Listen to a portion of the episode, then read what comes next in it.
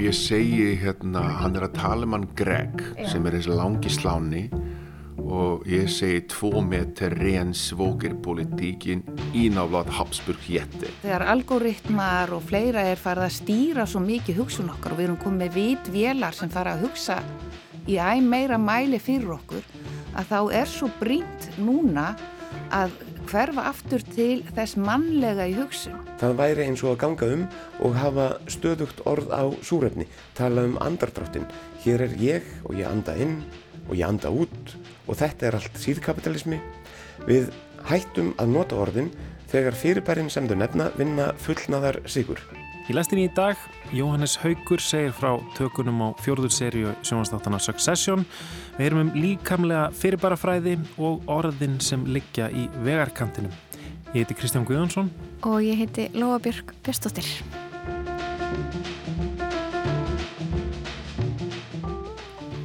Ég fekk að kíkja í heimsók til leikarans Jóhannesar Haugs en hann fyrir með hlutverk í fjórðu og jafnframt loka serju HBO sjónvarsþáttana Succession. Þessi serja, hún er um það, um það byrj hálnu núna, koma alltaf nýjir þættir á sunnudagsnótt og ég held að séu mjög margir að fylgjast með. Við hefum aðeins fjallað um þess að þætti hérna í lestinni. Þeir fjalla um uh, fjölskyldu, ofurríka fjölskyldu í bandregjónum sem að regur fjölmjölaveldi svona valdabaróttu innan fjölskyldunar fjölskyldufæðir sem að ógnar stjórnar börnunum sínum. Mjög góðu þættir. Um, ég fekk Jónas Haug til að segja mér nokkra sögur af setti. Já, en við náttúrulega erum eiginlega í setti, Lóa. Það voru náttúrulega þættir í hvað annari seríu sem voru teknir upp inn á rúf Var það bara eiginlega hérna, nei það var neyri í í sjónvarstúdíunum og í andirinu og fyrir utan og svona, þannig að ekki, ekki, ekki hér í stúdíu fjögur þar sem við tökum lestin upp Það er mjög gaman að sjá Rúf í Succession. Einmitt. og líka gaman að sjá Jóhannes Haug Já, nákvæmlega, hann byrtist þannig í, í fymta þætti í nýju seríunni mm. og verður í fleiri þáttum. En já, við allum að heyra um meira í lestin í dag. Eh, við fáum í, fáum í heimsókn heimsbyggingarna Sigriði Þorgersdóttur og Guðbjörgu R. Jóhannesdóttur. Um, Það er alltaf að segja frá nýjum nálgunum í fyrirbæra fræði en það er uh, svið innan heimsbygginar uh, Þing Norrætna fyrirbæra fræði félagsins hefst í Háskóla Íslands og morgun. Alltaf svolítið er þetta að segja þetta. Fyrirbæra fræði félagsins. Fyrirbæra fræði, já nei, herru, ég gæti þetta ekki. En við viljum að byrja lestin í dag á nýjum písli frá rítöfundunum Hauki Má Helgarsinni hann er búin að vera með písleitni í lestina sem hann er að velta fyrir sér tækni þróun, gerfigreind um, og í dag þá er hann að hugsa um orðin sem liggja í vegkantinum.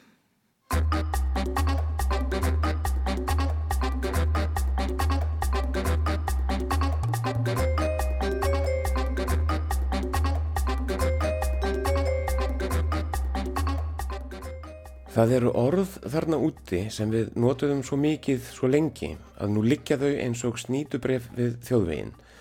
Ef við sjáum eitthvað hyrða þau upp og nota þau aftur þá vitum við að viðkomandi hefur mist af memóinu, hann er fastur í fortíðinni. Nýfrjálfsíkja er eitt svona orð, nota til að lýsa einleiðingu ákveðina prinsipa allt fram að hruninu 2008. Hrunið er auðvitað annað svona orð, jafnvel ártalið 2008. En þau heyrast þó sem nýfrjálfsíkja gerir ekki einmitt þegar prinsipin sem hún var nafnið á hafa gegnsýrt allt, liggja í öllu. Það er ekkert lengur í heiminum sem ekki er til margs um nýfrálsíkju og þar með hættum við að nefna hana. Kapitalismi er annað svona orð, jafnvel síðkapitalismi er eitthvað eftir sem er ekki til margs um síðkapitalisma. Ég held ekki og einmitt þess vegna séum við hætt að nota orðið, það væri eins og að ganga um og hafa stöðugt orð á súrefni, tala um andardráttin. Hér er ég og ég anda inn og ég anda út og þetta er allt síðkapitalismi. Við hættum að nota orðin þegar fyrirbærin sem þau nefna vinna fullnaðar sigur. Spilling kom og fór upp úr hruni, hafði ekki heyrst í mörg ár fram að því, orðið átti að reyfa við einhverju, en það fór á hinvegin og ef við heyrum þetta orð í dag, geispar fólk samræður leysast upp, ef þú spyrð hvers vegna þá mannaði enginn. En það er ekki bara pólitísk orð, sama raukvisa á við um markmiðlun, orð sem var í mikill umferð kringum aldamút, Það voru seldar markmiðlunar tölfur, það er réðu við bæði texta, myndir, hljóð og hreyfimyndir að það færi allt saman í einu tæki hétt markmiðlun og þegar allt varð markmiðlun fór orðið lönd og leið. Leikjavæðing byrtist stuttu setna. Það voru haldnar ráðstefnur um leikjavæðingu hvernig mætti fá fólk til að stefna að markmiðum með raukvísi tölvuleikja, sapna stigum og svo frammeðis. En þegar við fluttum inn á samfélagsmiðla sem gera þetta við tilvöruna alla, þegar læknappurinn byrtist sem fullnaðar sigur leikjavæðingarinnar, hvarf þetta orð? Puff, nú hljómar það fárónlega. Síðasti svona fullnaðar sigurinn var líklega sigur veirunar sem namn land vorið 2020 og allir töluðu um í tvö ára eða svo, það var ekki manna um rætt þar til hún vann. Við lippuðumst niður, hundruð dóu um leið og allir þögnuðu og nú verður hún bara hér, allir munu fá hana aftur og aftur um ókomna tíð, æfin stittist og við hættum að telja, mæla og tala um hana. Hún er komin til að vera og þar með ekki orðum á hana eðandi.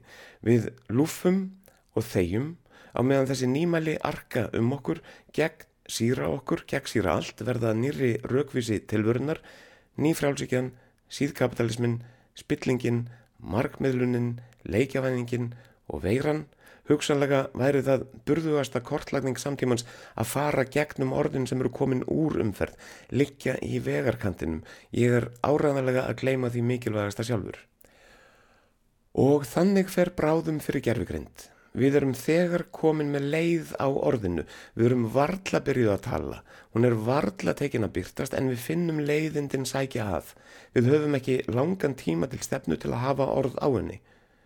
Ný orð, við leitum nýra orða eða gæti orða gagni, hjálpáð okkur að halda glukkanum opnum, kannski vela vit og vitvélar endist degi lengur, viku lengur, En þegar ristafilin þín tekur að veita þér tískuráð yfir morgunmatnum og útskýra hvers vegna hún vil heldur vera kölluð ristafilin bröðrist, þá mun engin lengur segja gerfigreind, orðið mun ekki heyrast þegar hún verður alltaf allstæðar. Tímin er naumur. Ég skrifaði drög að pistli sem var ágætur en það var líka slatti af orðum í honum sem við nennum ekki að heyra. Ég hefði sjálfur skipt um rás hefði ég þurft að sitja undir þeim. Elon Musk var í honum eitt af þessum orðum og já, Elon Musk er augljóslega eitt orð, við höfum heyrt það of oft og sagt það of oft og eftir því sem Elon Muskið umlíkur og gegnsýrir tilvöruna meira, hljótum við að hætta að bera það fram. Kommunismi var annað, orð sem veldur þreitu af öðrum sökum, Það byrtist í titli bókar sem kom út fyrir nokkrum árum, hún heitir Al sjálfvirkur luxuskommunismi og fjallar um góðsentíðina sem gæti verið framöndan ef við höldum rétt á þessu öllu saman, ef við deilum auðæfunum framöndan þegar enginn þarf lengur að vinna, auðæfunum þegar við verðum óþörf. Ég vitnaði í Bertrand Russell, það var kannski frambarilegast til hlutin. Við höfum ekki talað okkur í kaf um Bertrand Russell nýverið. Árið 1935 skrifaði hann grein sem heitir Lof yðjuleysisins. Honum var umhugað um að koma lofinu áleiðis, greinin byrtist í bók með sama nafni og Rössel skrifaði að ef hún erði upphafsreitur herrferðar til að hvetja menn til að gera ekkert, þá hefði hann þó lifað til einhvers. Fólk væri að vinna of mikið. Það sólundaði tilveru sinni fyrir vinnu siðferði með rætur í liðnum heimi Það ætti ekki lengur við eftir yðnvæðingu þegar vélar hefðu gert okkur öll markfalt framleiðinari en áður.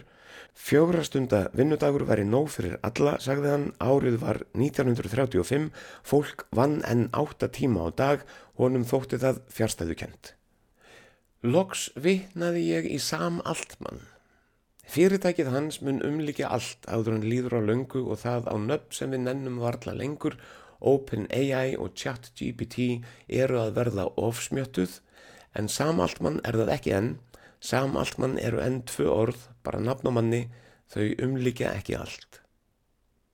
Samaltmann sagði nýverið að velvitið sem fyrirtækið hans þróar gæti brotið kapitalismann. Hann let ekki eins og það veri hótun heldur viðvörun, hann segist halda með kapitalismannum en í blokkferðlu frá vorinu 2021 greinar hann nánar hvað hann á við með kapitalisma, hvernig hann sér kapitalismann fyrir sér eftir uppfinningarnar. Títill ferslunar er lögmál mórs fyrir allt. Hann segir strömmkvörf framundan, þau verði fyrr en flest fólk heldur og þau sé ekki hægt að stöðva. Þegar hugbúnaður taki við störfum fólks verði til geigvænlegur auður, um leið og vinnuafl verði nánast verð löst.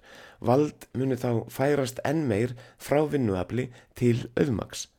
Hann segir að ríkin þurfi að grýpa inn í áður en það gerist. Samfélög þurfi nýjan samfélagsáttmála um að dreifa auðunum framundan og nú sé tímin við upphafsreit breytingarna fljótt verið það of seint. Og Sam Altman, forstjóri OpenAI, leggur fram tillögu sem hann kallar kapitalisma fyrir alla. Þetta er helsta vonarstjarnar kapitalismans sem talar. Microsoft er sagt hafa fjárfest í fyrirtækinu hans fyrir 10 miljardar dala, eitt íslenskt bankarhun og tillaga hans er þessi að skatleggja eignir til að jafna tekjur. Mikið. Kapitalismi fyrir alla að skatleggja landeignir og fyrirtæki mikið til að jafna tekjur mikið. Þannig getur framtíðin orðið björt, segir hann, en annars verði hún verri fyrir flesta. Það eru hans orð, ef ríkin grípi ekki inn í og skatleggi egnir til að jafna tekjur, þá muni flestir hafa það verð í nálæri framtíð en hér og nú, vegna hugbúnaðarins sem hann er að þróa, því ekkert færi stöðvað framfærinnar. Auðvitað eru til hófstillari væntingar um ávinning gerfigreindar, en í íktustu mynd hljóma þeir svona. Ef við höldum rétt á þessum, þá verðum við öll þarflaus eins og erfingjar að miklum auð. Ef okkur lánast það ekki, þá verða flest okkar þarflaus í merkingunni atvinnulaus og umkomulaus. Snýtubref í vegarkantinum verum ekki orðlaus.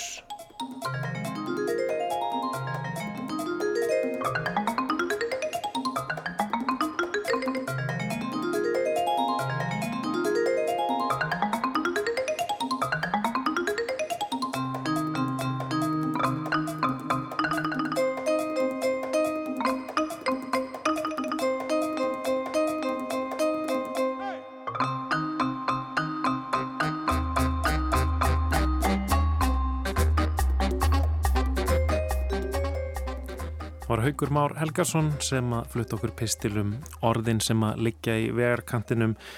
Hvort sem það er nýfrjálshyggja hrunið um, COVID eða kannski bráðum gerfigreind fólk árið þreytt á því að þreytt á þessu orði, þreytt á því að tala um gerfigreind en samt eru við bara svona rétt að byrja að sjá áhrifin af þessari tæknið þar og stefið var sem áður frá Senior Coconut Já, en við ætlum næst að kíkja heimsókn til leikarans Jóhannesar Haugs.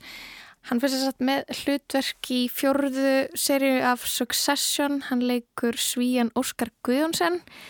Þessi þættir sem að koma út á bandarísku sjónstöðinni HBO. Þetta er örgulega bara vinsalustu þættinir í dag. Alltaf svona umtöluðustu. Þetta er svona... Mm Ég myndi segja svona sótsvört komedíu, drama, dra, drama komedía, um, valdabaróta innan, innan ríkrar fjölskyldu, fjölmiðla, mókuls e, í bandaríkjónum, svona lauslega byggt á Murdoch fjölmiðlaveldinu. Já, en, en þetta er þættinni sem allir er að tala um, myndi ég segja. Já, algjörlega. Um, Ég fekk að heyra nokkra sögur af tökustað en við tölum líka aðeins um sögurþráðin í þættinum þannig að ef fólk er ekki búið að horfa á fymta þátt það ég verð bara að vara fólk við. If you love me, please don't judge me. Got my hands tied, the power's above me. Don't shoot the messenger, I'm just a puppet here. If you wanna place blame, then look to the puppeteer. Family, fortune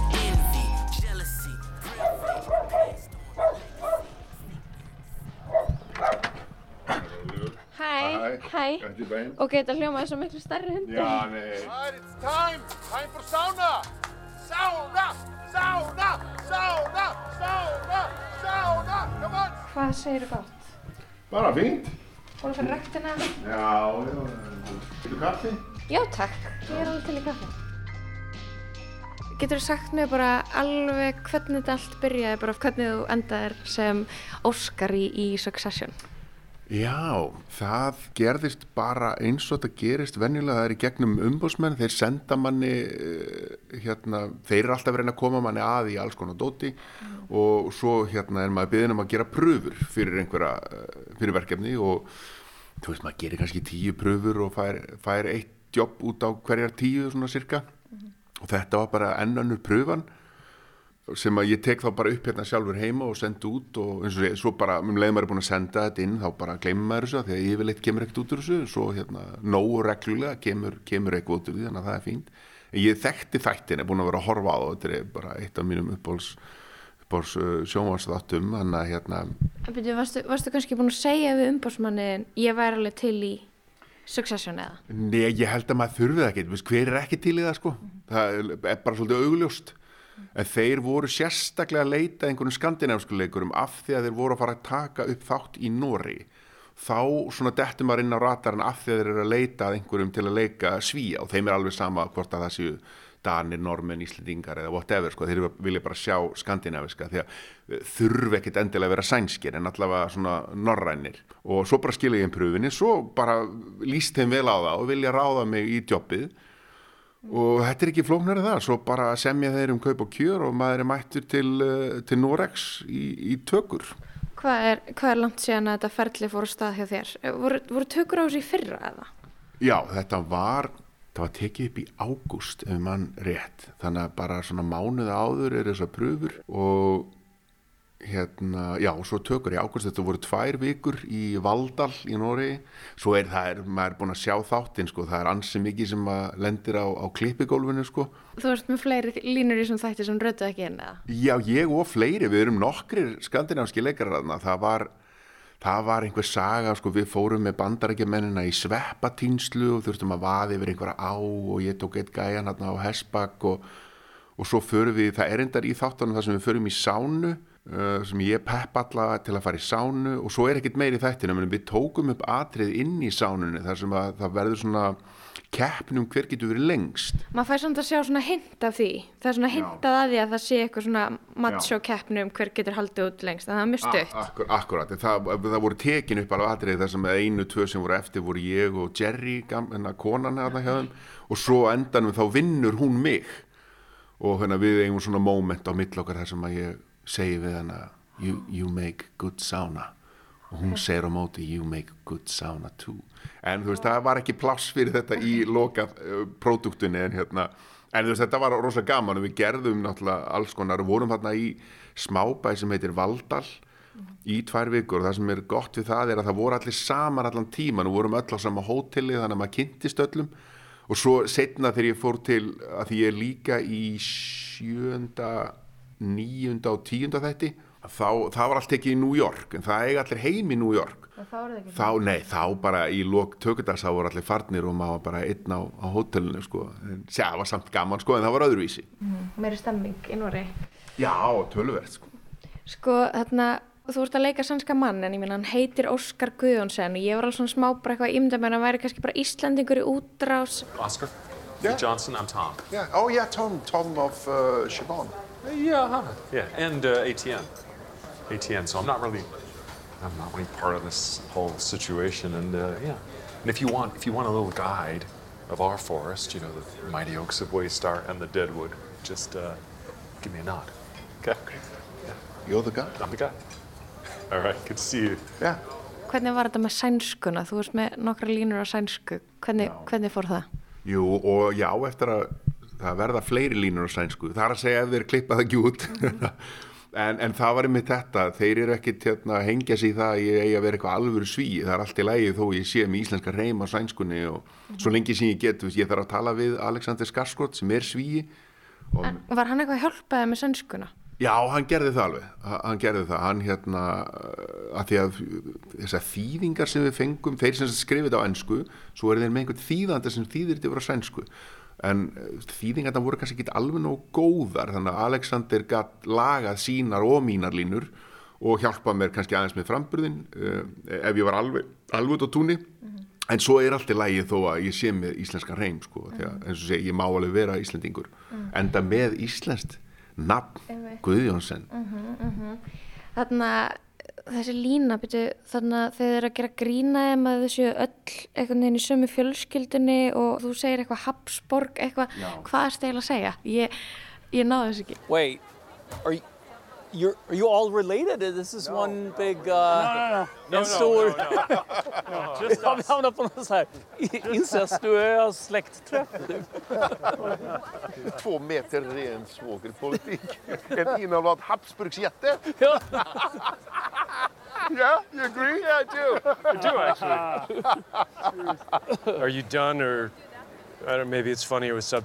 Já, ég segi hérna, hann er að tala um hann Greg sem er þessi langi sláni og ég segi två meter ren svågerpolitiken inavlad Habsburgsjätte Og hvað þýðir þetta? sem þýðir, þetta eru tvei, tveggja metrar, tveir metrar af hérna, svógerpolitík, það er hérna uh, nepotismi, hvað er? Já, frændhygli, já. Fræ, tve, tveir metrar af, af fræntegli, uh, en ínaflát, það er hérna innbrett, hvað, hvað er það á íslensku? Já, inbred, einmitt. Veistu hvað er orðið fyrir það? Já, Úrkynjað. já, einmitt. Þegar allir eru, allir eru búin að eigna spöld með fræksun Já, já, þú segir það, tveir metrar af, Två metrar ren svågerpolitík sem eru tveir metrar af fræntegli, en ínaflát, uh, úrkynjaður Habsburgs, Habsburgsjætti sem er hérna Habsburg risi, jætti risi. Habsburg er þessi ætt þarna, þetta var eitthvað fínt fólkja í Evrópu sem var allt úrkynjað og það talaði um Habsburgs kjálkan sem var eitthvað afmyndaður og þetta er einhver svona tilvísun frá, frá hérna, höfundunum. einmitt, einmitt, ok, það er gott að vita hvað þessi lína þýðir. Uh, þannig að, sko, þú ert náttúrulega, þú ert þannig í tvær vikur með þeim öllum og Jeremy Strong, hann er komið með svona, sem leikur Kendall Roy, hann er komið svona orða á sig fyrir að taka svo hlutverki sínu sem Kendall Roy mjög alvarlega, hann sé alltaf í karakter, það sé einhvern veginn ekki hægt, hann slaki ekki á á setti, slökku ekki á. Og mér þess að var sko Brian Cox sem að leikur pappans, Logan Roy, hann var búin að kommenta á þetta í fjölumjölum líka, vera eitthvað, já, já, flott að vera metnaða fullu leikari en þarna slakaðu á, eitthvað svona og það var svona smá einhvern veginn á tíma eins og hann hefði verið svona smá eitthvað aðhlátusefni ég stóð alltaf með honum í þessu bara flott að fara alla leið. Hann er náttúrulega bara geggjöður í þessu hlutverki. Já, já. Um, hvernig var að vera í kringum þessa leikar og náttúrulega búin að sjá þessar þrjár seríur með þeim. Já. og svo að umgangast þau var Jeremy Strong stífur eða? Já, sko, það sem að, það er náttúrulega æðislegt í mitt að vera í kringum, að hlutverki er, ég er ósvæmlega mikið með Alexander Skarsgård, hann er svona helsti, helsta sprautan og aðal sprautan í okkar hóp, þannig að ég er rosa oft bara svona með honum eins og eitthvað húsgagn, en það er ekkit slæmt þegar maður er að fylgjast með, með þessum leikurum, leika þessi hlutverk sem þeir eru búin að gera í innan langa tíma, því þið eru öll orðin svo góð og vel smurð í þessu. Og það þetta sem að Jeremy er að gera sem hefur verið í fjallað um. Þetta er þessi, hérna, þetta er kallað method aðferðin þetta er eitthvað sem að bandarækjamenn sérstaklega þróuðu fyrir, allir er ekki komin einhver 60-70 ár síðan Stella Adler þróaði þetta og Lee Strasberg í New York. Þetta snýst rosalega mikið um að vera að þurfa ekki að búa til uh, fílingin sem á að vera í senunni heldur uh, finna og, vera í honum. Þannig að ef þú átt að vera aðeinslega móður farðu þá bara og hlauftu þrjá kílómetra og taktu sprett og vertu móður búa þetta er raunverulegt. Já, þetta snýst allt um eitthvað svoleiðis og ef þú átt að vera rosa hás þá ekki feika það, skaltu bara gera þig hásan. Og ef þú átt að vera grátandi, þú veist, fyndið það eitthvað sem að e, þú veist, lætur þig fara að gráta. Um, og það, það er þetta sko að hafa svona langa atrennu að þessu, að vera í fókusnum. Og það er það sem að Jeremy er að gera, hann er bara rosalega einbeittur þannig að allan tökundaginn sem eru kannski hérna, 12, 10-12 tímar þá er hann bara einbeittur og í fílingnum veist, að, það er ekki það að hann haldi að hann sé kendal eða eitthvað svoleiðis. Hann veit alveg að hann er Jeremy og veist, hann kemur og borðar hátegismátt og svona en hann er ekkert að spjalla um eitthvað annað. Hann er bara í orkunni sem er í senu dagsins og jafnvel orkunni sem er í senunu daginn eftir um kvöldið það var ekki nema ef það var frídægin eftir hjá honum sem gerðist þarna einu sinni í Nóri þá bara koma með okkur og, og hérna var að sína myndir af börnunum sínum og, bara var að hérna að fá sér að borða með okkur og, og rosa gaman sko en, Var hann skemmtilegur?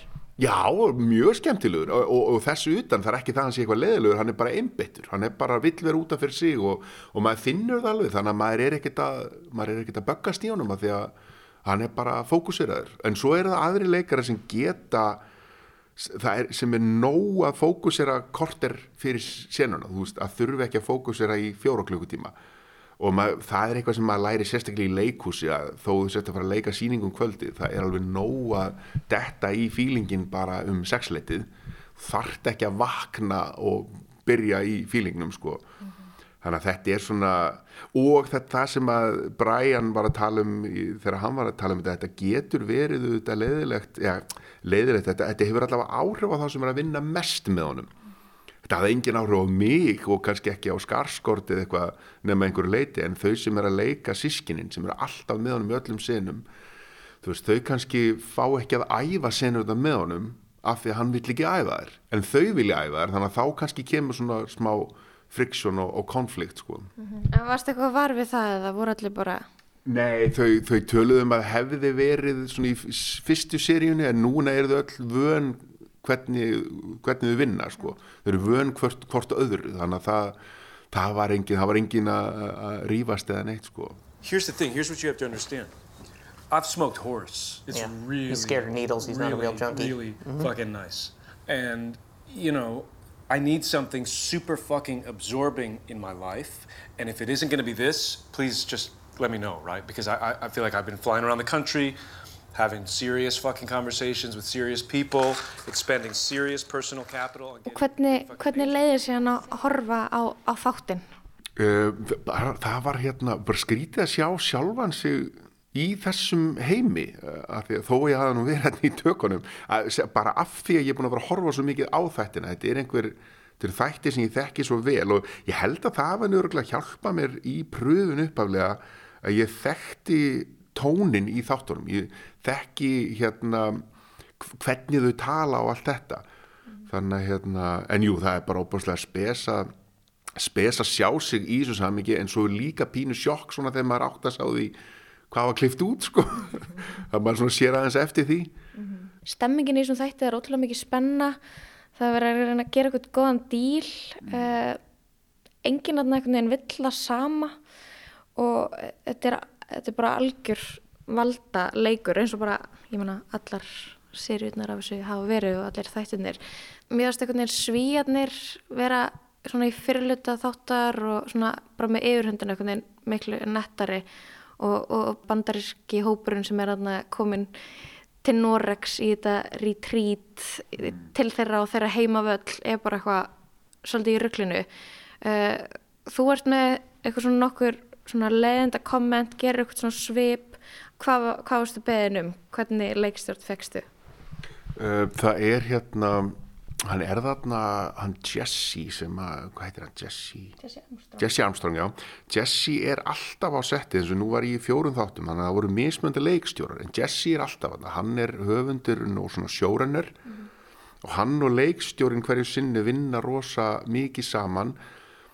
Og það segir vilja gera eins og þetta atriði sem að það sem við erum að nýðast á greg þetta var tekið upp sko með minnir þetta að veri alveg 8 eða 10 mínútin að taka Ó, já þetta er svona 8 eða 10 mínútin að taka það sem þetta byrjar með Tom og Greg tala saman svo fer þetta svona á milli en þeir taka þetta allt upp í einu þó að þeir klippið þetta svo niður hana, og þeir reyna ofta að gera þetta sem ég hef svo sem ekki orði varfið í öðrum sjónvastáttum mm ef eh, margar senur gerast á sama staðnum þá reynar alltaf að sauma það saman og taka það upp sem svona langt leikrit. Þannig náður svona betri flæði í þetta og, og svo er, þeir, er Jesse endalust að stinga að manni alls konar setningum og prófa að segja þetta og, og hérna þannig að og þeir hvetja mann líka til þess að bara ef mann er dettir eitthvað hug bara kottu bara með það og þannig að maður svona stundum let bara eitthvað flakka og hérna, en svo kannski rataði ekkert í fænalt klippið, en stundum geraði það En það er eitthvað svona smá spunni og þeir eru svona smá frjáls en... Já, að, svona innan rammans þeir, þetta er rosalega meitlað sko, þetta sem þú tala um þetta valda jafnvæði, hvernig það breytist og skiptist, þeir eru rosalega passa saman upp á það og svo er þeir líka að passa saman upp á spunan maður var líka varfið eins og sé í, í svona þáttum þar sem ég er rosalega mikið með skarskort þá hvetja leikarinn í að spinna en ef að leikarinn eru fannir að spinna of mikið eða komnir í eitthvað ruggl mm. þá koma þeir og rétta það af og þannig að þeir eru og sérstaklega þessi Jesse, hann er aðal, aðal maðurinn í þessu að, að vita alltaf hvar balansin er í senunum, en ég myndi segja svona helstu munurinn á þessu öðru eru þessar löngu, löngu tökur sem þeir reyna alltaf að ná og er alltaf með þrjár myndavelar í einu og alltaf þessar zoomlinsur, maður sér að það maður horfður á þættin að rammin er alltaf að fara svona inn og út það er vegna þess að þeir, þeir eru alltaf með þrjár myndavelar og ein myndavel getur verið að skjóta close-up, two-shot eða vítt.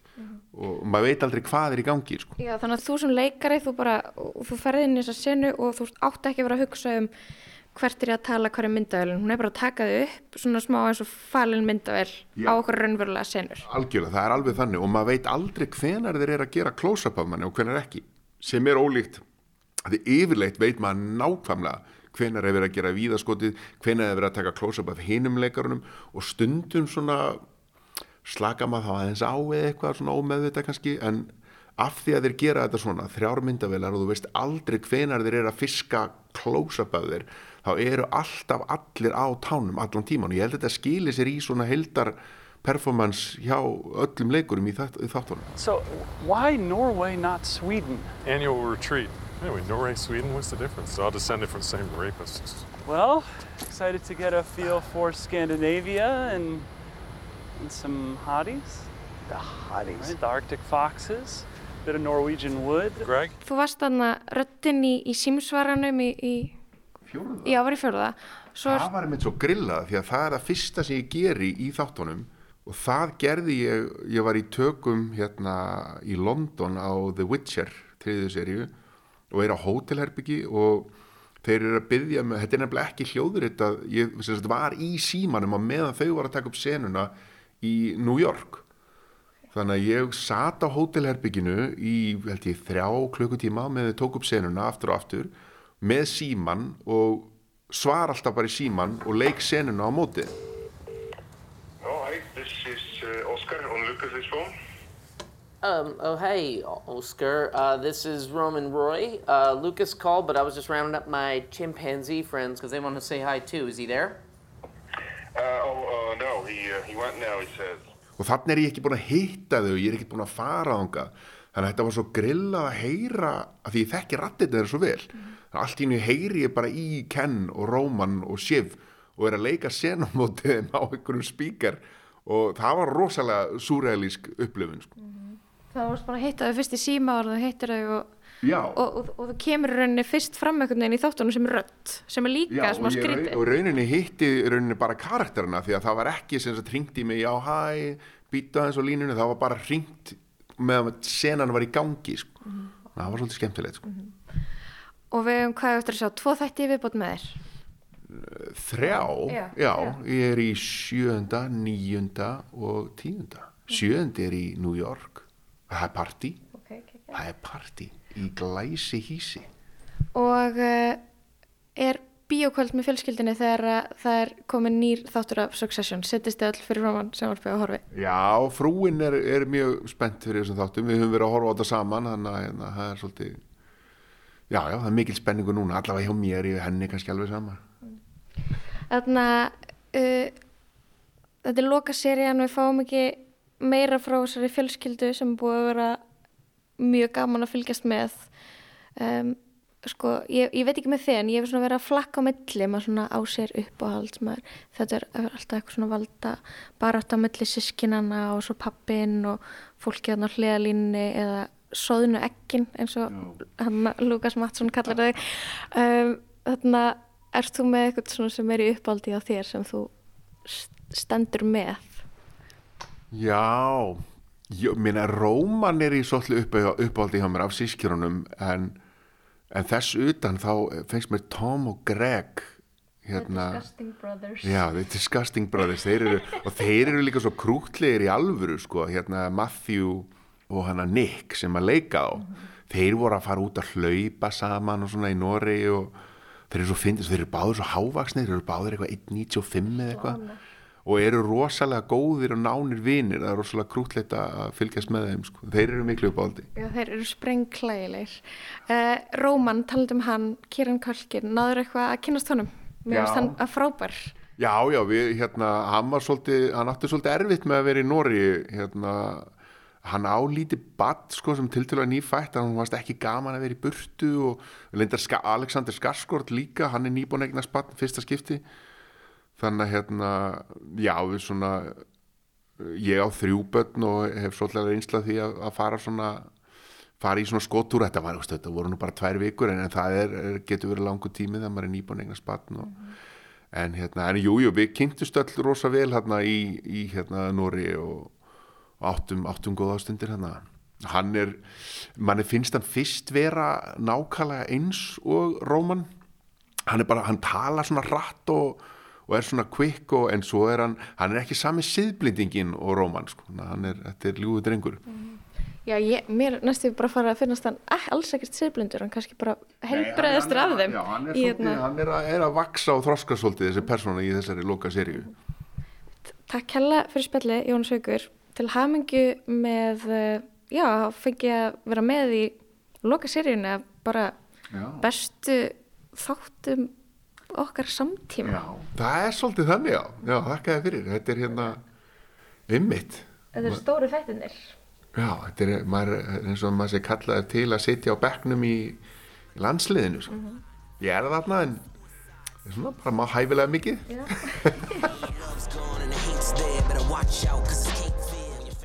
You're such fucking dopes. You are not serious figures I love you, but you are not serious people. Walking a ain't a lifeboat, nope. Just a free fall when I leave y'all, whoa. If you love me, please don't judge me. Got my hands tied, the power's above me. My bloodline was not chosen. Það eru kominir tveir heimspengingar um borði í lestina. Sigriður Þorkistóttir er hérna hjá mér í stúdíu 0 og Guðbjörg R. Jóhannesdóttir er með okkur í gegnum síma. Verið velkomnar. Það er þing norrætna fyrirbæra fræði félagsins á morgun. Uh, hefst á morgun. Mm -hmm. Sko, ég held að maður verði alltaf að byrja á þessari hérna, grundvata spurningu. Uh, hvað er eigilega fyrirbæra fræði? Sko fyrir bara fræði, svona einfaldasta útgáðan sem ég geti hugsað mér að útskýra þetta eh, hérna með er, er sko byggir svolítið á þessu, þessu íslensku þýðingu fyrir bara fræði. Af því að sko fyrir bara fræði snýstum það sem ber fyrir skinnjun okkar. Að beina aðtiklinni að því hérna hvernig við erum að upplifa heiminn og, og beina aðtiklinni að reynslunni. Mm. Að, hérna, það er svolítið svona kjarninni fyrir bara fræðinni kannski. Þannig að fyrirbæri, fyrirbæri þarna, já, það er eitthvað sem ber fyrir en ekki, ekki, ekki eitthvað svona undarleg fyrirbæri eins og við kannski notum fyrirbæri oft í svona daglegu tali. Nei, þetta snýst einmitt alls ekki um bara undarleg fyrirbæri. Þetta getur bara snúist um í rauninni bara hvað, hvað eina sem maður getur borið fyrir skinnjun okkar. Hvort sem mm. það er eitthvað áþreifanlegt eða ekki, sko. Já, þetta er í rauninni ákveðin svona hefð hugsunar, þetta er ákveðin að, aðferðafræði, er það ekki rétt skilið hjá mér, Sýrjur? Eh, bara til að bæta við það sem Guðrún, uh, Guðbjörg sagði að þá er fyrirbærafræði í rauninu svolítið hverstagsleg. Hún, hún byrja bara á því að velta fyrir sér hvernig við getum, hérna hvernig við upplifum veruleikan og hvernig við getum lísti, jú, og þetta er aðferða því leiti og það er kannski gott að hafa í huga að í samtíma heimsbyggi þá má segja að séu í vestrætni samtíma heimsbyggi tvær megin hefðir. Það er þessi fyrirbæra fræði hefð sem vil svona fari í þessa hverstafslegu hugsun, hverstafslegu upplöfun og leita, leiða til að lýsa henni sem nákvæmast og svo er það svona heimsbyggi sem hefur komið út úr heimsbyggi tungumálsins og raukfræði, raukreiningar heimsbyggi sem gengur meir út á að greina húttök, merkingu þeirra, afmarka merkingu þeirra, svona snýstum skýrleika. Þannig að mm. við höfum þessa tvær megin hefðir og Norræna fyrirbærafræði félagið eru samtök fyrirbærafræðinga á Norðurlandum sem eru orðin eh, mikið útgeislunar fyrirbæri í heimi heimsbygginar og sérstaklega í heimi fyrirbærafræðinar. Þau eru orðin mjög sterk á Norðurlöndum og rannsóknir norrætna fyrirbærafræðinga farnar að vekja mikla eftirtækt. Mm -hmm. Sko þessi hefð þess, og þessi aðferð, hún, hún hérna á sér sinn uppröfna í Þýskalandi hjá Edmund Husserl eða ekki og hefur svo jæfn svona já, var mjög ábyrgnd í Fraklandi en einhvern veginn eru Norðurlundir orðin, orðin núna svona kannski einna, einna svona aðal stöðunum eða ekki? Jú, það er allavega mikil gróska í þessum fræðum hér og ekki bara innan heimsbygginar heldur líka í alls konar hérna greinum út frá henni, í hjúgrunafræði, í alls konar félagsvísindum sem einmitt aðferð til að dýfka hérna bara þekking okkar út frá því hvernig fólk upplifir alls konar fyrirbæri. Mm -hmm. Guðbjörg, ég var aðeins að renna yfir svona uh, málstofurnar og, og, og fyrirlestrarna og þetta er, þetta er mjög fjölbreytt viðfónsefni, kynlíf, það að eldast, slæmar bíómyndir, taugavísindi, heilsa, rattir og svo framvegis og framvegis. Er, er hérna, þetta svona aðferð sem er hægt að nota bara á hvað sem er eða, eða eru eitthvað svona tiltekin, tiltekin gerð af viðfónsefnum sem að henda betur til fyrirbæra fræðilegra greiningar? Nei, rauninni er fyrirbæra fræðin einmitt svona aðferð sem að er hægt að beita á kannski bara hvað sem er hérna, og, og einmitt, askráin sýnir þetta aldrei mm -hmm. hérna, hversu fjölbreytt hérna, viðfórsefni eru þarna undir sko.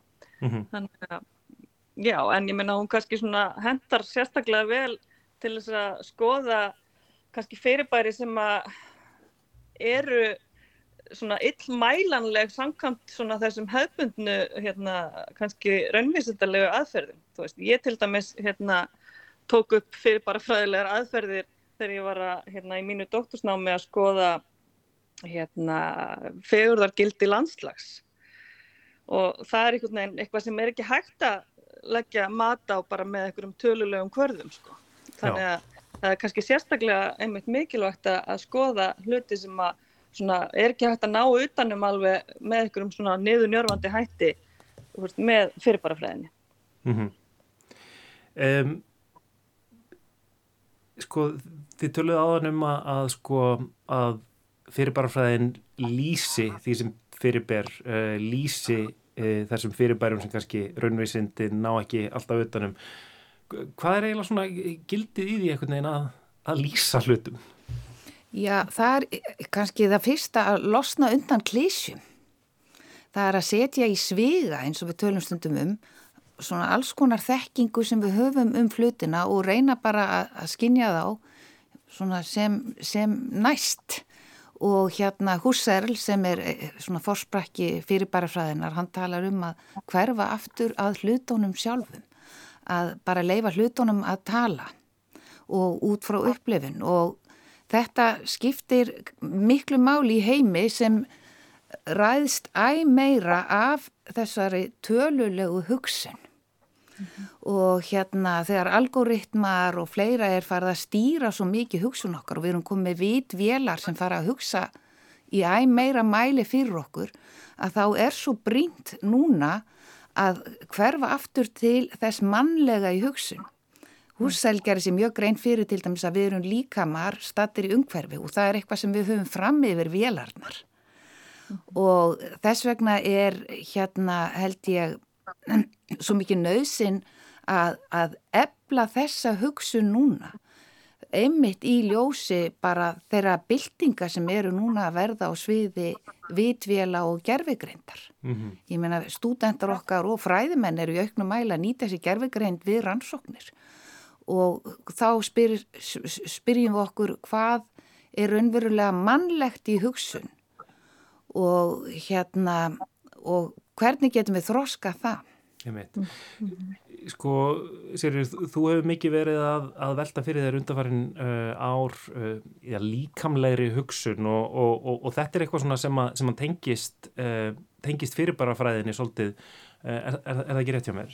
Jú, það verða meðal annars á þessu þingi líkilferilesarar sem eru sérfræðingar á þessu sviði en hérna efnir ástefnunar er skínrænar aðferðir. Einmitt þetta mannlega, hvernig við getum eldað og þroska það að því að við erum í ægjöknum mæli að, að aftengjast raunveruleikanum í þessum tölvugerða heimi mm -hmm. og með þessari tölvu, tölulegu hugsun og þess vegna er, við, eru þarna höfundan eins og Claire Petit-Monchon, Donata Schöller og frá Japan ná Hiko Mimura og Dermot Moran frá bandaríkjónum öll að tala um þetta að hvernig við getum aftur nálgast þetta og hvaða aðferðum eh, við getum beitt. Og ég held svona til lengri tíma litið að þá er þetta eitthvað sem mun innleiða einhverja nýja byltingu í rannsóknum, í mentun að því að eh, við erum einhvern veginn, við vitum orðið svo mikið um heiminn en erum einhvern veginn búin að tapa tengslunum við sjálf okkur og við umhverfuð og náttúruna. Einmitt. Mm. Sko, já, við, við erum hérna uh, farin einhvern veginn að lifa svolítið mikið náttúrulega í, í heimi snjaltækja, einhvern veginn alls konar, alls konar stafræðna miðla um, og þessi líkamleiki, all, allir þessi meilar auðvitað kannski gera það verkum að við við erum hvað til þess að gleima bara hreinlega líkamleika okkar hérna, Guðbjörg, núna í okkar huga ert þú auðvitað ekki líka með hérna við hliðin á okkur þú ert, ert líka með eitthvað annar staðar hérna, er, er, er heimsbyggin færa að takast á þennan nýja veruleika? Já, ég held að einmitt með því að beina sjónum sínum betur að því hvernig við hugsum alltaf sem líkamar að þá hérna, geti heimsbyggind aldrei hjálpa okkur að kljást við þessar aðstæðu sem við erum í. Að, hérna, en við þurfum einhvern veginn að, að beina aðtiklinni að því að, að hugsun er alltaf líkamleg og, hérna, og, og, og þegar við sko, förum að beita aðferðum eins og þessum aðferðum sem að sem að Claire Petit-Manchon hefur hérna, þróað örfyrirbarafræðinni og, og svo þessum hérna, líkamlega hugsunaraförðum sem að Donato Sjöller ætlar að fjallum og sem við hefum verið að vinna með hérna, í þessu rannsóknum á líkamlega hugsun. Uh, þá getum við einmitt sko ekki bara verið meðvituð um að við hugsum alltaf sem líkamar, heldur líka bara markvist nýtt okkur það. Og það er það sem ég held að sé alltaf svona einmitt eins og Sigriður segir, eitthvað sem að hérna, gefur okkur von og, og eitthvað sem að hérna, hjálpar okkur að leggja áherslu á. Núna þegar gerfugreindin getur einhvern veginn bara komið með allar upplýsingarnar þú veist sem við þurfum að þá hérna, þurfum við einmitt meira að fara að beina mentuninni af því bara að veist, hvað er það sem gerir okkur mennsk? Og, mm -hmm. og það er að við erum líkamar. Gerfugreindin getur aldrei verið líkami. Einmitt. Hérna uh, fyrirbarafræðin verður til einhver tíman um, á fyrirluta eða upphafi 20. aldarinnar um, e, það hljómar eins og það sé enþá alveg bara svona nýsköpun í gangi og, og hérna, uh, það sé verið að uppfæra, uppfæra þessa aðferð og, og, og þessa hefð til þess að takast á við samtíman bara Já, ég myndi segja það að hérna, kannski hefur fyrirbarafræðin líka vissuleiti svona fjarlægst svona upphaflega hérna, þetta upphaflega kall hössel sko til hlutana sjálfra og, og, og hérna oft er fyrir bara fræðin líka veist, lituð af því að vera bara svona fjalla um einmitt hössel og kenningar hans og svona reyna að greina betur alls konar svona hérna eh, fyrir kenningar og, og þannig, hei, þannig, þannig hluti sko en hérna en núna er þetta aldrei svona kall eftir því að, að, hérna, að fyrir bara fræðin þú veist, að við förum að taka hana meira sem aðferð og bara mm. leggja meiri áherslu á það og hérna, þróa hana áfram sem aðferð. Einmitt. Þú nefndir ör fyrirbæra fræði. Um, hvað er það eiginlega? það er þessi aðferð sem að Claire Petit-Motion í rauninni þróaði eftir, kall, hérna, eftir kalli hérna, Francisco Varela sem var hérna, taugalífræðingur hann kallaði eftir því að í rauninni gætu við, það væri ekki nóg að reyna að rannsaka mannlega vitund með því að skoða hana út frá bara svona alls konar heilalínaritum og skoða hvað að gerast í heilanum. Heldur þyrtu við líka hérna bara alvöru rannsóknartæki sem að gera okkur klifta að skoða bara hérna, ekki bara það sem er að gerast í heilanum heldur bara það sem er að gerast í upplifun okkar. Og hún Petit Manchon þróaði þessa aðferð örfyrir bara fræðilega viðtalsaðferð sem að snýst um það að gera okkur kleift að lýsa í mun meiri smáadriðum heldur en að við gerum kannski í svona venjulegum hérna, einlum viðtölum eða eitthvað svo leiðis hérna bara því sem við erum að upplifa og í rauninni verða í, í gegnum viðtali verðum við líka bara meðvitaðri um sko þætti reynslunar sem við erum ekki meðvitað um að meðan hún á sér stað. Veist, það er svo margt sem við erum að upplifa sem að við hérna, náum ekki að vera meðvitað um á mm. augnablíkjunu þegar við erum að upplifa það en með þessari aðferð þá er þetta að fara aftur í fyrir reynslu og, og, hérna, og skoða svona smáadriði hérna, reynslunar til þess að já, geta líst mm -hmm. hver struktúrinar er á nákamari hátt. Einmitt. Þetta er mjög spennandi. Eh, hún talar eh, í fyrramálið á fyrsta degi þessa, um, þessara heimsbyggi háttíðar, þessa, þessa þings eh, norræna fyrirbæra, fyrirbæra fræði félagsins, mörg F í þessu. Hérna, svona, svona viðburðir, eh, segriður, heimsbyggingar frá öllum norðunundum og öllum heiminum koma þarna saman hérna, hvernig, hvernig stemning er á svona, svona samkomum? Hvernig eru samkomur heimsbygginga? Og ég, ég vona bara að það er hérna að stemningin litist svolítið af viðfangsefninu að því við erum að reyna að tala á svolítið venjulegri hátt hvert við annað að, næ, að vera nær okkur, ekki bara hverfa til hlutan heldur að hverfa nær, nær okkur sjálfum bara hvernig við tölum og, og fræði eru oft orðin svo rosalega aftengt bara eins og maður sé að spila á einhver spil með einhver hugtök og kenningar og eins og þetta hafa ekkert með okkur að gera. Ég held að það sé einhver svona í rauninni lágvær bilding í gangi núna að fara inn á við til að finna kraftana í okkur til að vera sannari, raunverulegri og líka í þeim tilgangi að virkja þann kraft sem við höfum til að takast á við óstjórnlega stór verkefni sem er annars vegar umhverfismálinn og hins vegar gerfegreindin. Sýriði Þorgjensdóttir og Guðbjörg R. Jóhannesdóttir, um, góða skemmtun núna frá fymtudegi til lögadags. Er, er þetta ekki opið fyrir uh, almenning allavega einhverju leiti eða hvað, Guðbjörg? Jú, jú, það er bara allt opið fyrir fólk að droppa inn og, og, hérna, og sérstaklega á þessa, á þessa fyrirlestra sem eru sagt, hérna, núna í fyrramálið og á föstasmorgun og lögatasmorgun. Þannig að mm -hmm. endilega kíkja við. Welcome to my See the palm trees waving the wind Welcome to my island Við endum blestina þennan meðgudaginn á nýju lægi frá Karolín Polacek. Þetta er fyrsta lægið á um, plötu hennar Desire I Want to Turn Into You. Lægið heitir Welcome to my Island. Velkomin á eiguna mína. Já, við Kristján og Lóa þökkum samfélgina í dag og Lítja Gretarsdóttir var tæknumöður hjá okkur. Verðið sæl.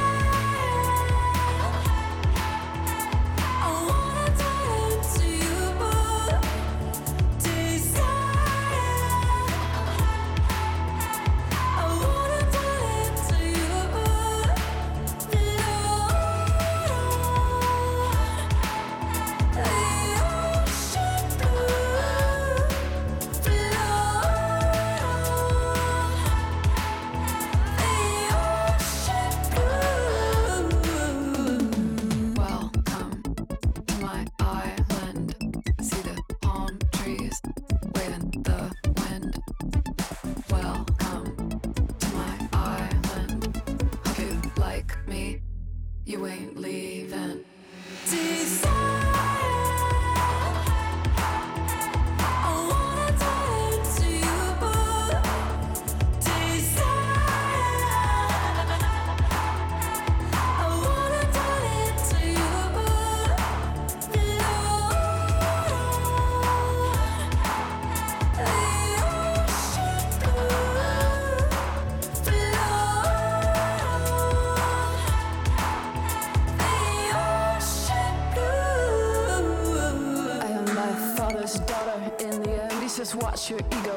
Your head, girl. You're so smart, so talented, but now the water's turning red, and it's all your fault. And it's it's all your mess and you're all alone. You can't go to bed too high on your adrenaline. You gotta go somewhere where you can't pretend or forget the rules, forget your friends, just you and your reflection. Cause nothing's gonna be the same again. No, nothing's gonna be the same again.